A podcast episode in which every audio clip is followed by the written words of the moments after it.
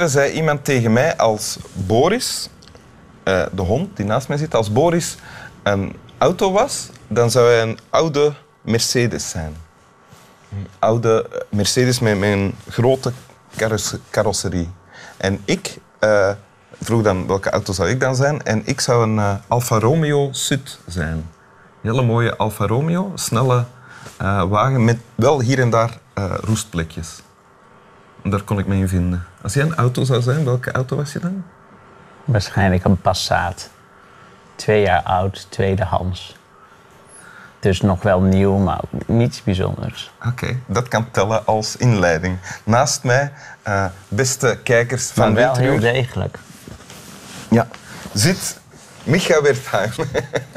Micha Wertheim, mijn eh, favoriete cabaretier van eh, Nederland en België. En alles daar rond ook, wat, van wat daar rond ligt, ken ik eigenlijk nauwelijks cabaretiers. Dus dat betekent op zich niet zoveel, maar... ehm enfin, cabaretier, eh, columnist ook. Vader van een tweeling. Net in première gegaan met een nieuwe voorstelling ook. Die heet... Hoe heet ze nu? Ergens anders. Ergens anders. Ja. Jouw naam komt niet in de titel van de voorstelling. Nee. In tegenstelling tot alle andere voorstellingen. Ja, Ja. Oké. ik wilde iets anders maken. En je hebt een tekst meegebracht. Ja, ook dat. Zal ik die meteen maar voorlezen? Het is een tekst... Van Roos Bief. Ja. Roosbief Roos Rebergen, die hier ook al te gast is geweest. De, za- Terecht. de zangeres, dus het is een liedjestekst eigenlijk. Ja.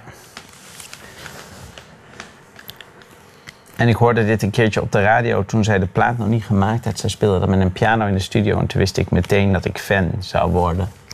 Eh, terwijl ik dat meestal helemaal niet ben van singer-songwriters. Zo is dat bij mij ook gegaan. Ik hoorde haar voor het eerst op de radio s'nachts en dan zat ze ook mijn piano. Bij Martin Simek. dat Bij Simek s'nachts, ja. Dat heb ik daarna nog opgenomen en heb ik die liedjes losgeknipt en die heb ik nog op mijn iPod. Ben ik een betere fan. Dat kan ik. Ja, ik, ik heb de Dat is technische het verschil tussen een Passat en een eh, Alfa Romeo. Incasseren. Goed. Ik zal maar incasseren. hè. Buitenboord heet, voor, eh, heet het gedicht. Of de tekst van het lied. En ik lees alleen de, eh, de eerste strofe voor. Van ijzer kan je dingen maken. Maar het kan je ook echt raken. In je hart, je hart. Of gewoon als je niet bukt. Ja, mijn tanden hebben het geweten. Die zijn voor jaren vastgeketend. Meneer met handschoen zei... We doen alles voor een lach. En met mijn ijzeren lach zeg ik mijn vrienden gedag. Buitenboord, buitenboord, buitenboord. En dan moet ik bijvertellen voor de Vlaamse kijker. Ja? Een buitenboord is in Nederland ook een buitenboordbeugel. Dus het ijzer wat vast wordt gezet door de meneer met handschoenen... is waarschijnlijk een beugel. Is een beugel, ja. Dat wist ik ook niet, eigenlijk. Ik begreep, ik, ik ken het lied ook en ik dacht die, bij die buitenboord aan een bootje. Eh, En dat is het natuurlijk ook. Want als je daarna verder leest... gaat het ook hoe het is, over, hoe het is om een buitenstaander te zijn. ja. Dus, dus het is allebei waar. Maar dus van ijzer kan je dingen maken, maar dat kan je ook echt raken. Eh, Daar ben ik eigenlijk al verkocht. ja? Omdat het Dat gaat over een beugel. Hè? Ja, nee, maar dat weet je dan nog niet. Daar gaat het voor mij gaat het daar over de mensheid. Over van ijzer kan je dingen maken. Dat kan een schep zijn, dat kan een pijl zijn en dat kan een beeld zijn en dat kan een kogel zijn. Je kan daar mensen mee raken in je hart. Nou, dan denk ik, dan denk ik in eerste instantie nog aan een, een beeld van Rodin, iets heel moois wat je raakt. Dan zegt ze nog een keer je hart. Dan zie, je een, zie ik een kogel door het hart gaan. En dan staat er, of gewoon als je niet bukt.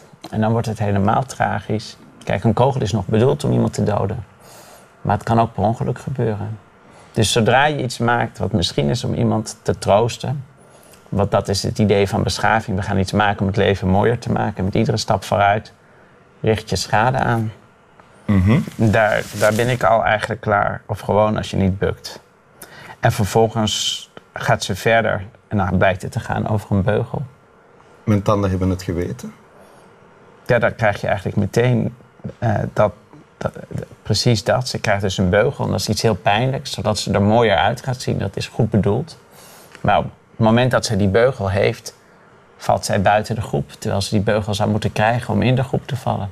Dus heb je meteen de stap voorwaarts en achterwaarts. Het gaat over dat ze een glimlach krijgt. We doen alles voor een lach, want dat is die mooie tanden. Dat zegt de meneer met de handschoen. Precies, De de, tandarts. tandarts. En dat is eigenlijk de bul, want die doet haar pijn.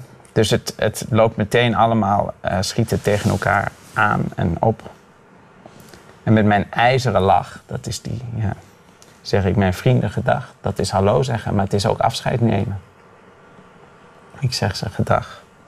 Buitenboord, buitenboord. Ehm, het, het gaat verder en ik luister er ook wel vaker naar verder, maar voor mij is het hier al eh, game set match. Game set match. Ja, ik vind het heel mooi. En waarom treft jou dit? Is dat om wat je net komt te zeggen al?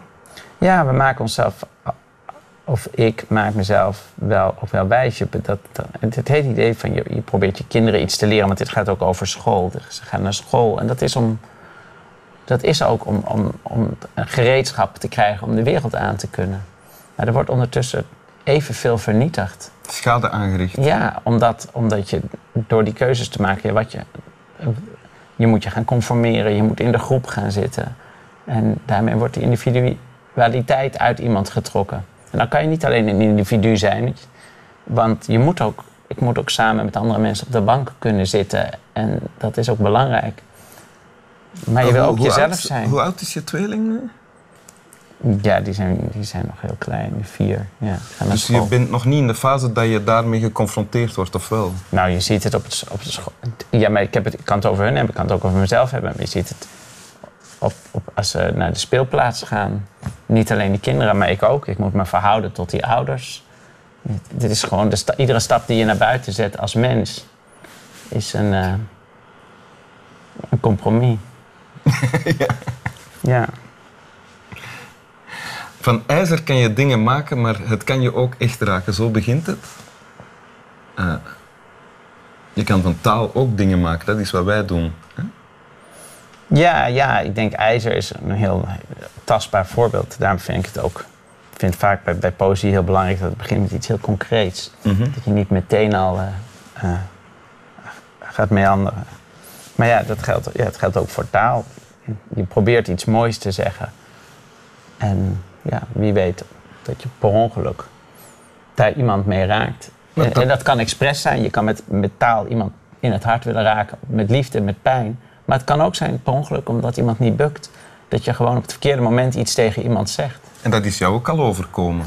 Dat gebeurt natuurlijk ieder mens voortdurend. Dat, Ja. je, dat je Heb je daar een voorbeeld van? Want ik bedoel, als, als comedian of als cabaretier, er staat ook, we doen alles voor een lach. Ja, dat maakt het natuurlijk extra mooi om erover te praten, omdat het inderdaad ook nog bij, bij mij. Nou ja, als ik naar mijn eigen vak kijk, zijn er vaak zat gebeuren. Ik denk, het meest heb ik het meegemaakt toen ik, dit is alweer iets van tien jaar geleden, heb ik een voorstelling gemaakt over, eh, over kanker. Dat had ik vijf jaar daarvoor had ik dat zelf gehad en ik dacht van, Lymf, lymfeklier. Nee, schildklier. Schildklier, ah, ja. Ja, Een dat is- klier, dat wist ik nog. Ja, maar de artsen die halen nu opgelucht adem. Lymfeklier is enger dan schildklier. Oké. Maar de. Ja, maar dat- als je daarover praat op het podium, zijn er, zijn er sommige mensen die je daarmee raakt op de goede manier. Er krijg ik nog steeds wel reacties van mensen die zeggen, oh, dat vond ik zo mooi. Maar er zijn ook mensen, waren zeker toen in de zaal mensen die dachten van dit is schandelijk, daar maak je geen grappen over.